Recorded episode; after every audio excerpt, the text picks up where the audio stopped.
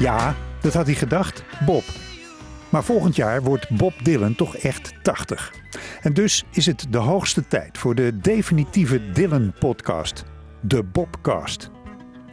Van 24 mei dit jaar tot 24 mei volgend jaar, de 80ste verjaardag van His Bobness, willen Lars Hulshoff en ik, Chris Keijnen, in 26 tweewekelijkse afleveringen alles bespreken wat er te bespreken valt over een van de grootste kunstenaars van de laatste halve eeuw. In gesprekken met een wekelijkse hoofdgast, met teksten, muziek en reportage, komt alles aan de orde.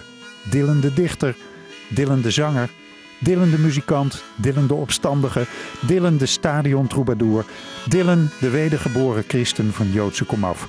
Er is zoveel te bespreken. Met usual suspects, muzikanten als Ernst Jans en Tim Knol, maar ook verrassende bobheads als Halina Rijn en de hulpbisschop van Den Bosch. Zodat we uiteindelijk, als het zover komt, alles weten en dan, als God het wil, neemt Bob de telefoon op.